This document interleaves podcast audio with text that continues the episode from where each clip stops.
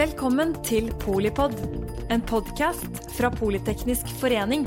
Et kunnskapsbasert medlemsnettverk for bærekraftig teknologi og samfunnsutvikling.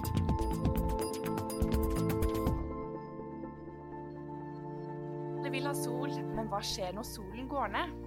Velkommen til Full sirkel av Polipod. Dette er podkasten som gir et overblikk og dypdykk i temaet innen sirkulærøkonomi. økonomi. Slik at vi bedre skal forstå potensialet i dette nye systemet, der ressurser utnyttes smartere, lengre og bedre. Temaet i dag er solenergi og sirkularitet. Hva er potensialet til solenergi i Norge? Og hvordan kan den drives med en sirkulær forretningsmodell? Det spør vi oss i dag, og det skal vi også prøve å svare på i dag. Mitt navn er Silje Skjelsvik, og jeg er leder for grønn omstilling i Sveko. Og jeg skal prøve å lose dere gjennom denne episoden. Når vi snakker om sola, så er det jo fint for meg å introdusere de kunnskapsrike folka som sitter rundt meg her i studio, så dere som lytter inn, vet hvem dere hører disse kloke faktaene fra. Vi har med oss Birgit Ryningen, som er forsker i Sintef Industri. Vi har med Fredrik Haugland, som er fagspesialist på solenergi i Sveko. Og Adis Chengik, som er direktør for Green Transition og Technology i Norsk Gjenvinning. Velkommen til dere. Takk. Tusen takk. Jeg tenkte vi kunne starte med å ta en liten runde rundt bordet, så de som lytter inn, vet hvem som sitter her. Og Birgit, kan vi ikke begynne med deg? Eh, fortell oss gjerne hvem er du, og gjerne en fun fact om deg selv, og hvorfor du jobber med sirkulærøkonomi og solenergi. Ja, jeg er jo forsker i Sintef, eh, og valgte eh, sol fordi eh, energi er jo en av de tingene vi må ha. Og vi må gå over til et bærekraftig alternativ. Mhm. Så det er på en måte å bidra litt grann til en løsning på et problem vi har. Så, så det var vel egentlig inngangen eh, til sol. Um, fun fact eh, jeg har sykla Andesfjellene på langs. Ja. Andesfjellene, det er litt høydemeter. eh. Litt både lengde og høyde. Så, så det har vært litt sånn på kryss og tvers, da. Fra sør til nord. Oi, spennende. Ja, det var gøy. Ja. Det er mye sol. ja, mye sol. Da har du kanskje sett litt sånn potensial underveis. Absolutt. ja, men herlig. Mm. Eh, Fredrik, da? Hva med deg? Ja, nei, jeg eh, er ganske relativt fersk i arbeidslivet og har eh, studert sol på, eller fornybar energi på NTNU. Mm. Fant raskt ut at sol var en stor interesse der. Det var på første oppgaven på studiet, nesten. Mm. Eh, så ja, har jobba litt av hvert eh, med det. Og hatt noen deltidsjobber innenfor sol ved siden av studiet. Og ja, min fun fact er jo litt tilknytta det, da. Mm. For via den ene deltidsjobben så har jeg fått et solcellepanel som var knust på glasset. Så det kunne ikke settes opp på prosjektet. Så det står nå i kjelleren min og gjør ikke noe nytt for deg. Og har blitt frakta på buss eh, i Trondheim og ned fra Trondheim til Oslo og står nå i en kjeller på Løren. Så den, Ja.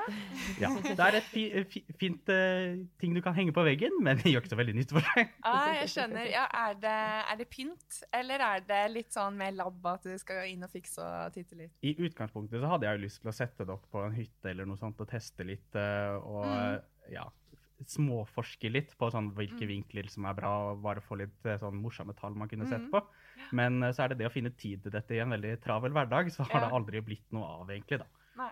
Så litt investeringskostnader for å komme i gang også. Jeg har et panel og noen kabler, men jeg har ikke de resten av komponentene jeg trenger for at dette skal fungere da. Mm, jeg skjønner. Nei, men spennende. Takk. Og Adisa, hvem er du? Eh, jeg er en uh, industriprodukt. Jeg vokste opp på en liten industribygd, der på en måte industrien har vært alfa og omega. Og så er jeg en uh, måte, Jeg er veldig fan av at industrien har hjulpet oss å skape det samfunnet som vi har i dag. Men det har også skapt en masse problemer som vi opplever i dag. Men jeg tror òg at industrien er nøkkelen for å løse de problemene som vi har i dag. Og i norsk gjenvinning så, så, så måtte jeg fanne kallet mitt der for at det avfall er en, del av, en stor del av problemet, men òg en stor del av løsningen.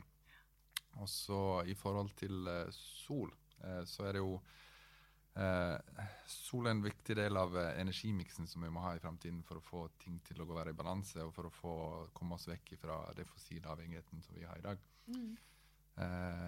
og, og at det blir sirkulært, da har vi kommet ganske langt. Mm, absolutt. Fun fact. Ja. Eh, det glemte jeg, men eh, jeg har en klein, klein fact, Ja. eh, kanskje. Eh, for eh, jeg har vært brannmann i ni år, eh, og så Motivasjonen for å bli det Mm. var liksom motsatt av det alle folk har. Det var det, var det enkle at det var verdens enkleste og beste sjekketriks. være brannmann. Åh, ja. Men det liker vi. Fantastisk. Takk for at du deler.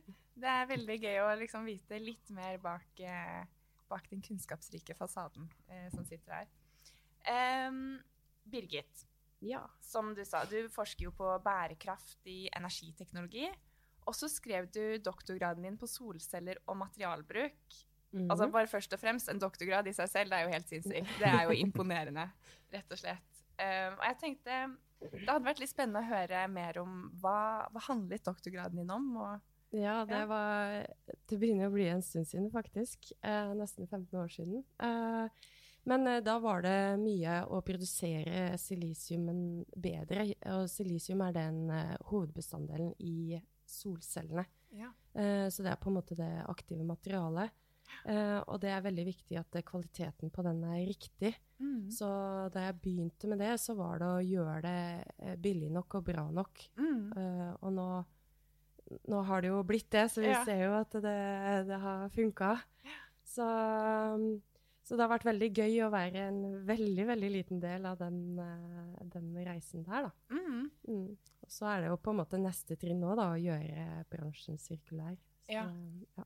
Ja, nei, men utrolig spennende. Hva vil du si på en måte var de hovedkonklusjonene eller hovedfunnene som du så? Jeg har jo en sånn veldig liten detalj, som det høres ut som, men eh, jeg så veldig på noen sånne feil i krystallstrukturen, for alle atomene ligger på rekke og rad i en Mm. eh, silisiumkrystall. Og så er det noen feil der som på en måte sluker elektroner, så du får ikke Mm. ut eh, den strømmen som du skulle ha hatt ut av solcella di.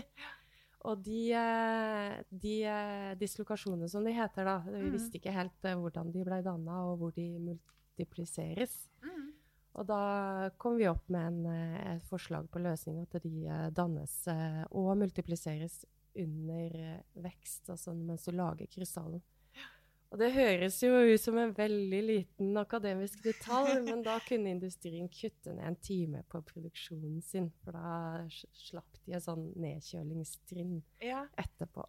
Er det liksom uh, en time per solcellepanel, eller en time Per uh, inngått, kaller vi det, så vi lager sånne store krystaller, og så deler man den opp i skiver etterpå. Ja.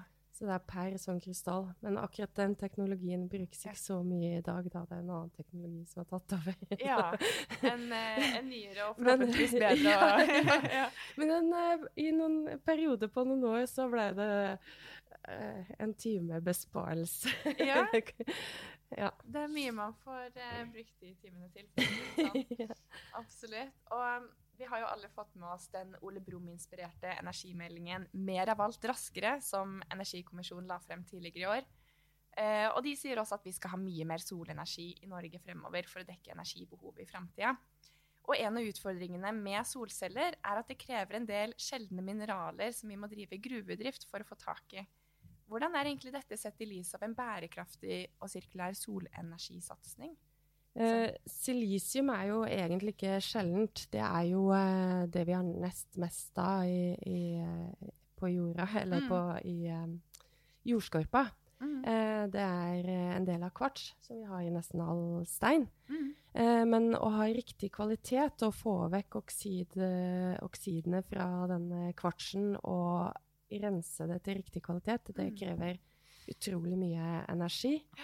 Eh, og det er en kjempelang prosess. Eh, Mm. og det er jo såpass viktig med silisium i riktig kvalitet, både til solceller, men også elektronikk, Mm. at EU har jo definert silisium som kritisk råmateriale.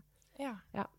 Eh, og I tillegg så er det jo mye kobber og uh, sølv i Mm. kontakter og sånn. Mm. Um, og så er det jo ofte en sånn stor aluminiumsramme rundt. Uh, den er forholdsvis uproblematisk, sånn sett, bortsett Mm. fra at man trenger også veldig mye aluminium. da. Ja. Men den er forholdsvis lett å, å resirkulere. Mm. Eh, og så er cellene laminert inn i et organisk eh, laminat som ofte bare brennes av. Mm. Og så er det glassplate foran som også ofte bare knuses.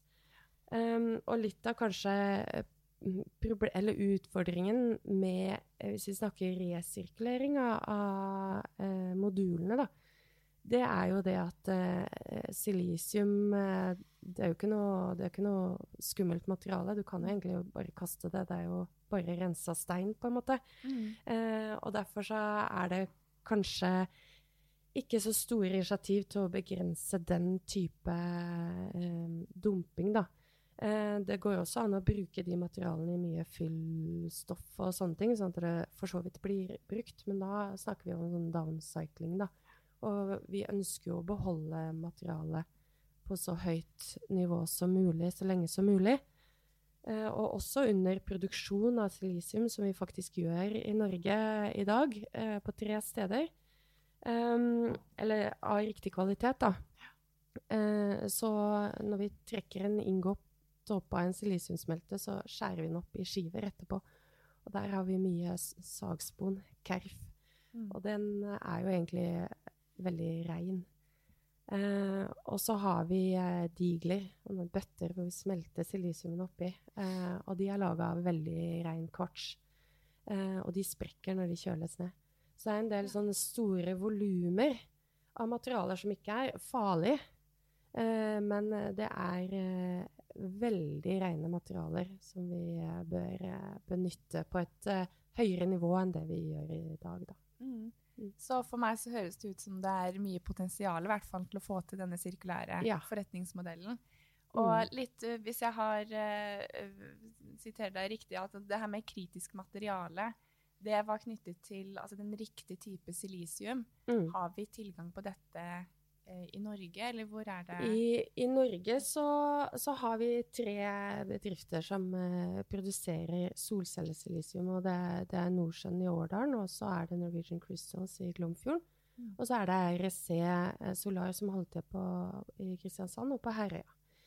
Eh, og de produserer eh, på litt forskjellig måte, og REC er jo veldig interessant, for de har jo tatt det med sirkularitet alvorlig, og de bruker faktisk den der kerfen, den sagsponen, i sin eh, produksjon. Men eh, de har jo problemer med å holde seg flytende, og kanskje særlig i dag med høye strømpriser og sånne ting. Så jeg krysser fingrene for at de overlever. Og, men ellers så er det jo stort sett uh, i Kina hvor det produseres uh, desidert mest. Uh, men EU har jo kommet med nye initiativer, og vi skal få produksjonen tilbake til Europa. Whatever it takes, eh, sier de. Og, så der har jo Norge en kjempeviktig rolle å spille. Mm. Mm. Ja, det, dette skal vi også komme tilbake til litt senere. Mm.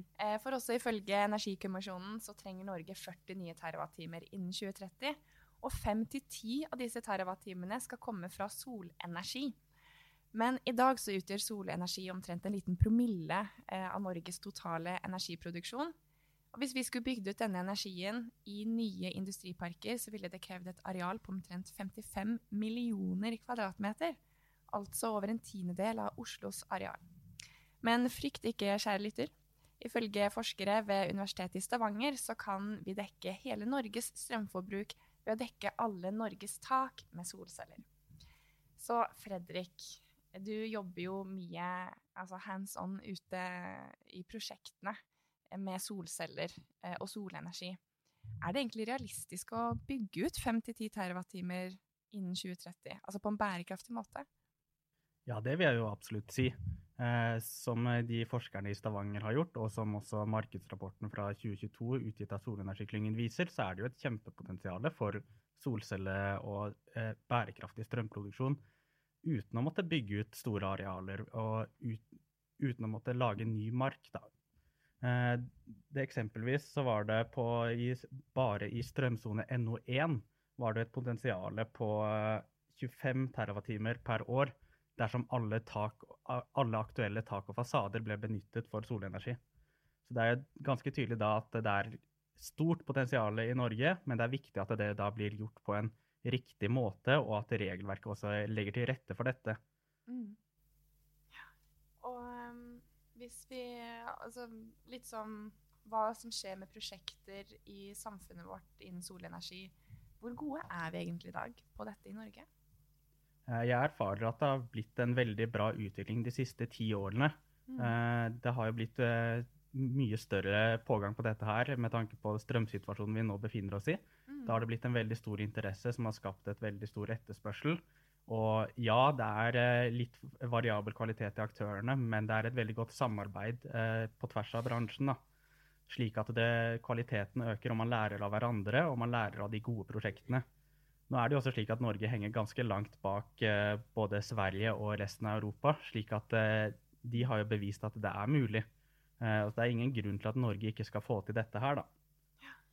Men eh, du sier at det har på en måte blitt mer prioritert eller en enklere vurdering nå i senere tid. Hvorfor har det egentlig blitt det? Det viktigste tilknytta dette er jo de økonomiske faktorene. Det at mm. strømprisen har blitt såpass dyr at folk ser at vi faktisk må gjøre noe med hvordan vi produserer strøm, og hvordan eh, Eller det kommer da nye alternativer.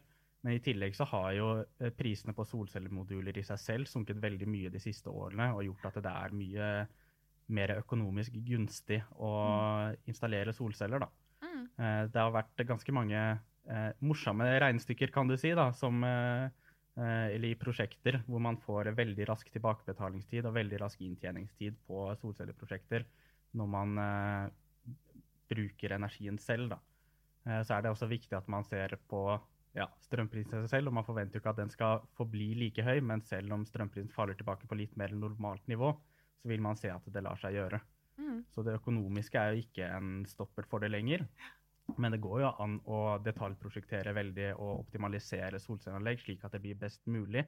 Og det er da også viktig å tilpasse det for norske forhold, da. Ja, det er jo Vi bor jo langt nord. vi bor litt lenger nord enn det andre, andre, land i Europa som har installert mye, gjør. Mm. Men igjen så ser man jo at det fungerer i Sverige.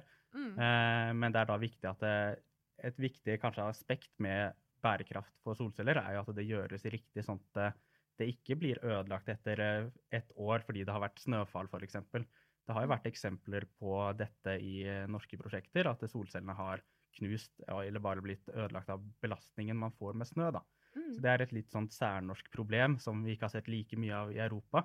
Som det er viktig at man da tar hensyn til når man prosjekterer solcelleanlegg. da. Mm. Jeg kjenner sånn, Det heier meg liksom litt håp, eh, for det er veldig godt å høre. altså Først deg, Birgit, som snakker om materialene som trengs for solenergiproduksjon. Og at avfallene som kommer ut av det også er ikke så skumle, og at det fins potensial til å bruke de, og ikke minst også når du, Fredrik, snakker om selve potensialet og muligheten vi har for solenergi i Norge. Et av studiene som du også nevnte, var vel eh, altså Solenergiklyngen, som snakket om hvis du dekte alle tak og vegger, var det det? med solcellepanel, så kunne man fått ut hva var det, over 60 TWh? Ja, 65,6 TWh er vel det de har beregna ja. seg til i det studiet sitt. Ja. Og det viser jo helt tydelig at det er et kjempepotensial her. Ja. Og da må jeg nesten minne lytterne på at uh, det energikommisjon, uh, Energikommisjonen sier, at vi skal ha 40 nye TWh innen 2030. Og at solenergi i Norge faktisk, altså basert på dette teoretiske studiet, da, kan gi oss så mye, det, det skjønner jeg gir meg mye håp. Og samtidig som det gir oss håp, så er det jo også noe med at det er billigere å dumpe defekte solcellepanel på dynga enn å resirkulere og ombruke dem. Jeg lurer litt på hva du tenker om det, Hadis. Hva, hva, kan vi gjøre med det? Og jobber dere noe med dette i Norsk Gjenvinning? Mm. Det er interessant, for i det, altså, det gjelder ikke bare solceller, men i det på en måte noe er ferdig, brukt opp, så er det avfall, og da har det mest all verdien som det har tilført. Og Hvis du ser på, på all den kompetansen som har gått inn for å skape det produktet, og all den innsatsen og energien som har gått til, og så den gleden det har skapt, mm. og så plutselig blir det helt verdiløst når du skrur det vekk fra et tak. da. Eh, men eh, hvis du har en bedrift som f.eks. påstår at det ikke finnes avfall mer, at det er kun ressurser som er på avveie, som skal tilbake til industrien, så er det et håp. Mm. Eh, og en sånn bedrift eh, det hadde i fjor eh, samla inn 2,4 millioner tonn med avfall, eh, som de påstår ikke var avfall. Og, mm. 98% av det gikk tilbake til industrien i form av råvarer. Eh, så det er ikke bare at det er håp, men det er òg mulig. Det er økonomisk lønnsomt, det er eh, fornuftig, eh, men det krever veldig masse kompetanse. Mm. Eh, sånn som Du, nevnte jo innom at eh, kobber er en viktig faktor i solcellepanelet, Mm. aluminium er en viktig faktor. Mm. De to elementene kan sponse resten av eh, solcellene som har lavere verdi. Mm. Eh, og Norsk Gjenvinning er jo veldig lite kjent, da, men det, det er Nordens største gruvebedrift. Eh, Som ikke driver med gruvedrift i sånn tradisjonell vis, men det er sånn urban mining, som vi kaller på nynorsk.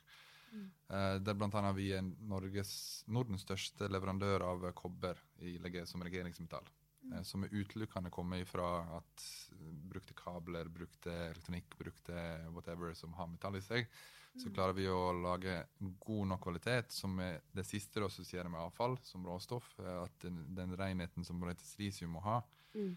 Eh, det har vi bevisst eh, måte, produkt og produkt og råvare for råvare. At det går an å lage avfallsbaserte råvarer i minst like god kvalitet til konkurransedyktige priser, og selvfølgelig det bære, bærekraftsaspektet. Eh, og så er det en utfordring med solceller i dag. Det er at eh, eh, det er fortsatt et lavverdisprodukt som skal gjenvinnes. da. Mm. Og da må du kompensere med volum. Og når vi skal bygge solceller på alle tak i hele Norge, så blir plutselig regnestykket veldig veldig lukrativt. da. Eh, og så er det en annen utfordring. Det er litt sånn høne og egget. Skal du først vente på at alt blir bygd ut, eller skal du bygge en verdikjede som måtte håndterer eh, allerede det som finnes i dag, da, og så skalere det opp? Og så er det en konflikt der. Det at økonomiaspektet gjør at du får ikke lov til å bygge noe som skal vente på noe som skal komme. da. Mm. Så vi har en, eh, en eh, Løsninger finnes. Eh, Det finnes kompetanse, det finnes vilje. Men det trengs òg politisk eh, drakraft Mm. for at den økonomiske barrieren som gjør at, dette, at du venter på høna, Mm. eh, blir løst. da. Kan eh, disse politiske føringene være? Hva slags mm, politiske virkemidler kan være med på å hjelpe oss på riktig vei? Det som er litt interessant med det som Birgit sa, det er jo at eh, eh, du, du sa før vi begynte at de beste kundene er jo de som går konkurs hver uke. Fordi at de, de jobber liksom med noe som er, som er nyskapende, noe som er vanskelig, noe som vil redde verden. Men verden er ikke klar for å betale for å bli redda Mm. ennå. Mm. Eh, mens med taksomniaen, som er på en måte på full vei inn nå, så vil det eh, motivere økonomisk. Eh, og på en måte, det, det vil ha en kraft som få har forstått ennå. Men utfordringen med sånne store bevegelser politisk på et så stort geografisk nivå som EU, da, det er at det tar tid. Mm. Og så er trikset for alle disse fantastiske bedrifter og kompetansen som er bygd opp i Norge, de må holde ut. De må bare holde pusten og leve på luft og kjærlighet. eh, eller iallfall finne en måte å effektivisere. Sånn, det, det, er, det er ikke kun negativt liksom, med, å- med å være i en utsatt posisjon. Det tvinger innovasjon, det tvinger, det tvinger nyskapning. Det tvinger, at, da må du tenke alternativ, da må du tenke annerledes. Og jeg tror liksom masse av den kompetansen som er skapt i solcellen i, i Norge, den er noe av det fremste i verden. Mm. jeg håper så virkelig at den, de holder ut. Ja, for hvordan står egentlig Norge, altså med solenergisatsingen, hvordan står Norge i forhold til Europa og egentlig verden? Altså, hva, hva er deres innsikt? Det har, det har jo vært eh, en turbulent eh, historie hele, i Norge og Europa. Eh, så fra materialsida så er det jo egentlig bare Norge igjen i Europa som produserer silisium til solceller. Eh, og det er jo veldig spesielt, egentlig. Så å, å lage selve cellen og sånn var jo Europa ganske stor på. Men eh, nå er jo stort sett alt flytta til Kina. Det fins andre plasser òg, men det er liksom Kina som er den store. Eh, og da blir jo eh, Europa da avhengig av, Kina, selvfølgelig. Så er ikke det bare negativt, for de har jo virkelig gjort sitt til å få ned prisen på solceller. Så det, så det er ikke, ikke sånn at det bare er eh, svart-hvitt her. Absolutt ikke. Men for eh, Norge, da, så har vi nå en utfordring med at vi konkurrerer med Kina, og vi har ikke, vi har ikke de samme forutsetningene for å gjøre det like billig. Og vi har heller ikke de store volumene, og vi har heller ikke de integrerte verdikjedene, så vi kan ikke produsere silisium med tap. Nei, det er sant. Men hva, hva er det vi kan gjøre i næringslivet og akademia og altså Alice var jo litt inne på hva politiske virkemidler kan legge til rette for, men hva kan vi gjøre i næringslivet og akademia altså sånn, for å holde på, ikke miste i hvert fall den satsingen vi har, og hvordan vi kan på en måte ta en lederposisjon, da? Er det, er det mulig? Ja, jeg, jeg, er jo evig optimist, men jeg tenker jo det er mulig. Men det er jo som Adri sier òg, den der enorme kunnskapen vi har. Mm. Og den ligger, jo, den ligger jo mye godt i både i industrien Mm. og akademia. Eh, og, og se litt sånn eh, større på det. Vi har jo et eh, kjempeprosjekt nå på, på resirkulering av avfall fra silisiumproduksjon, hvor vi Mm. også ser på bruk av f.eks. KERF, da, den silisiumspone, i eh, eh, termoelektriske moduler, aluminiumslegeringer, Mm. batterier. Det var evig utfordrende. Men, eh, og, og litt sånne ting. og Også se på den eh, kvartsen fra de eh, diglene, og hvordan man kan bruke det i nye høyverdige applikasjoner. da. Mm. Og da, sant, hvis bedriftene kan selge faktisk den, de avfallsstrømmene til en høy pris, eh, og ikke bare dumpe det eller selge det, eller gi det bort, så, så begynner vi jo å se Så jeg òg er jo veldig på den at, eh, at vi må bruke vår kunnskap, og så må vi hele tida si ifra til politikere at eh, nå skjer det noe i Europa, liksom. Ja. Det, vi, må, vi må gi norske bedrifter muligheten til å overleve til, til dette her blir eh, eh, skikkelig stort. Sant. Det går fort. ja. Det er jo også slik at det, det er jo næringslivet eller bedriftene som gjør disse innkjøpene, og de har jo mulighet til å stille krav til hva som er eh, anskaffelsene de skal eh, hente inn. da. De kan jo f.eks. stille krav til at man skal ha eh, resirkulert aluminium i bruk i solcellene, eller sånne andre bærekraftstiltak. da. Mm. Og der er det også veldig spennende og givende å være, være med som rådgiver, fordi man merker nå at det er en tydelig interesse fra Det er mye mer interesse nå da enn det var tidligere fra disse som kjøper eh, solcellepaneler, om å vite sånn hva slags bærekraftshensyn er det man kan ta. Mm. Nå er det til syvende og sist økonomien som eh, bestemmer om avgjørelsen blir tatt eller ikke. Eh, Men eh, bedrifter har jo et uttalt mål om at vi skal gjøre bærekraftige anskaffelser, slik at det blir eh, noe man kan pushe de på også, da, og informere. Så rådgiverens rolle om å informere om gode løsninger mener jeg også blir veldig viktig å ta med her, da, samt at bedriftene eh, kan faktisk nå være villige til å stille krav. Mm. Ja, det er litt sånn kjøperens eh, makt. Og det har jo vært mye oppe i media eh, grønne anskaffelser. Bare ser vi på det offentlige mm, kommuner som kjøper inn til over 650 milliarder i året, som har stor innflytelse på eh, hvert fall hvor man legger pengene. Er det i en bærekraftig retning, og hvilke krav setter man for de innkjøpene man gjør? Jeg samlet jo inn en del spørsmål før denne samtalen. Jeg hørte litt fra eh, mannen og kvinnen på gata hva de egentlig lurer på. Og noe som mange spør seg, er litt sånn hvor, hvor lett er det å gå i gang med solcellepanel i dag? Eh, er det sånn at jeg bare kan eh, smekke opp solcellepanel på eh, ikke hus da, men si på eh, leilighetskomplekset da, som jeg er en del av? Er det bare å sette det opp? Er det lett? Eh, Hadde det bare vært så lett, vil jeg si. det er jo en del regelverk man skal følge, og man skal være eh, For å koble disse sammen, det er jo elektronikk, så man skal være registrert i elvirksomhetsregisteret, og det skal følges NEC 400 og andre eh, lovverk da, egentlig, for å gjøre dette her. Så det er ikke bare å ta det panelet jeg har i kjelleren og sette det opp på veggen, f.eks., da, Mm. og koble det sammen. Man må, det må gjøres riktig. Eh, og det gjør også at uh, ting tar litt tid, og det er litt uh, anskaffelsesprosesser som man skal gjennom, da. Ja. Det er mye man skal se på. Et av de andre spørsmålene som jeg også har lurt mye på, altså mengden solenergi som treffer jorden i løpet av et år, er ca. 15 000 ganger større enn hele verdens årlige energiforbruk. Det er jo helt enormt. Og sola er en fantastisk stor energikilde, og er jo kilden til all annen fornybar energi på jorda. Hvorfor klarer vi ikke å utnytte denne energikilden enda mer? Altså, hvorfor klarer de fleste solceller kun å utnytte rundt sånn 15-20 av, eh, av energien fra sola? Det er en eh, sånn materialspesifikk eh, egenskap, så de fleste solceller i dag er laga av silisium. Og det er et eh, halvledermateriale, og da har du et såkalt eh, båndgap eh, inni der. Og det er fastlagt av materialet, på en måte.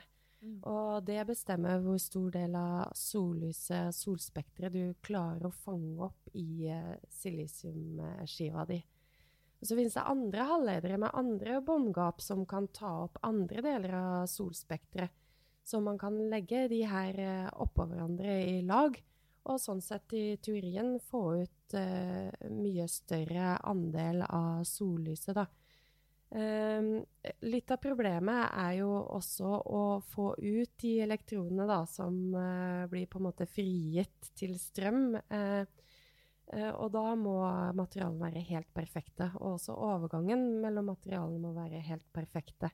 Og det er en del andre sånne ting man må se på. Så det, det er sånne um, veldig morsom utfordring å jobbe med. Men eh, kanskje den største utfordringen når vi snakker om de store mengdene her, er jo at de materialene vi da må bruke, er ofte sjeldne jordarter. De kan være giftige og sånne ting. Mm. I tillegg så vil det være en enda større utfordring å resirkulere de her eh, materialene igjen, da. Mm. Mm. Litt sånn morgendagens eh, energimiks. Hvor ser vi for oss eh, Altså her er vi på en måte Team Sol, men, eh, men hvordan Vi har jo vært veldig silobasert eh, i veldig mange år. Mm. Um, en sånn avslutningsvis eh, vil jeg gjerne høre hvordan dere ser eh, Hvordan ser dere inn i spåkulen? Norges eh, energimiks i framtiden. Hva burde vi satse på? Jeg tror jo det er uh, vann, vind og sol, men størst av dem er sola, ikke? Nei, jeg jeg, jeg syns det er litt vanskelig å, å, sette de veldig opp mot hverandre. Altså, verden trenger energi, og den, vi klarer ikke å løse ting i hver vår silo. Vi må begynne å se litt sånn helhetlig på det. Og det gjelder både klima, men også i, i, med hensyn til natur. Så, så ja takk, alt. Litt sånn Ole Brumm, jeg òg. Ja, nå har jo, Det sier seg jo selv at hvis vi kun hadde hatt sol i Norge, så hadde jo ikke det fungert. Fordi hovedandelen av vårt kraftforbruk er jo om vinteren. Men eh, det viser seg jo at sol går ganske godt eh, i samspill med andre energikilder, som nettopp vann og vindkraft. Det er jo nettopp sett på småkraft, eh, småkraftverk på vann at eh, sol kan være et godt tilskudd der, samtidig som sol i eksisterende vindpark, hvor du allerede har bygd ut vindparken. Da kan man installere et solcelleanlegg, og så kan det være at man ikke trenger å gjøre like mye nettutbygging eller lignende, da, fordi de produserer til forskjellig tid.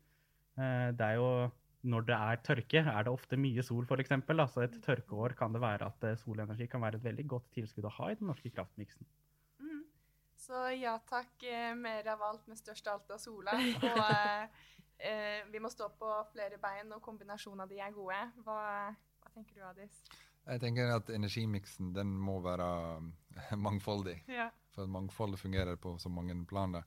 Og sol er en viktig del av løsningen, og vind er en viktig del av løsningen, vannkraft er en viktig del av løsningen. For det må være en kombinasjon mellom regulerbar og ikke-regulerbar kraft som måtte spille på hverandre og så utnytter Når det er skyer, så er det noen andre som tar over. Når det er sol, så er det sol som skinner. Mm. Um, ja. Dette var nok alt vi rakk for denne gang. Jeg vil takke dere, Birgit, Adis og Fredrik, for en god samtale om et veldig viktig tema. Hvis dere som lytter inn på podkasten vil høre mer fra oss i Polipod og Full sirkel-serien, så finner dere oss, eh, finner dere oss eh, der hvor du finner de andre podkastene dine, egentlig. Spotify, Podme og de andre. Glem ikke å følge Politeknisk forening for oppdateringer og inspirasjon innen teknologi, samfunnsutvikling og bærekraft. Takk for at du lyttet inn. Vi høres. Takk for at du lyttet til Polipod fra Politeknisk forening. Få med deg flere episoder, eller bli med på nettverksmøtene som du finner på at polyteknisk.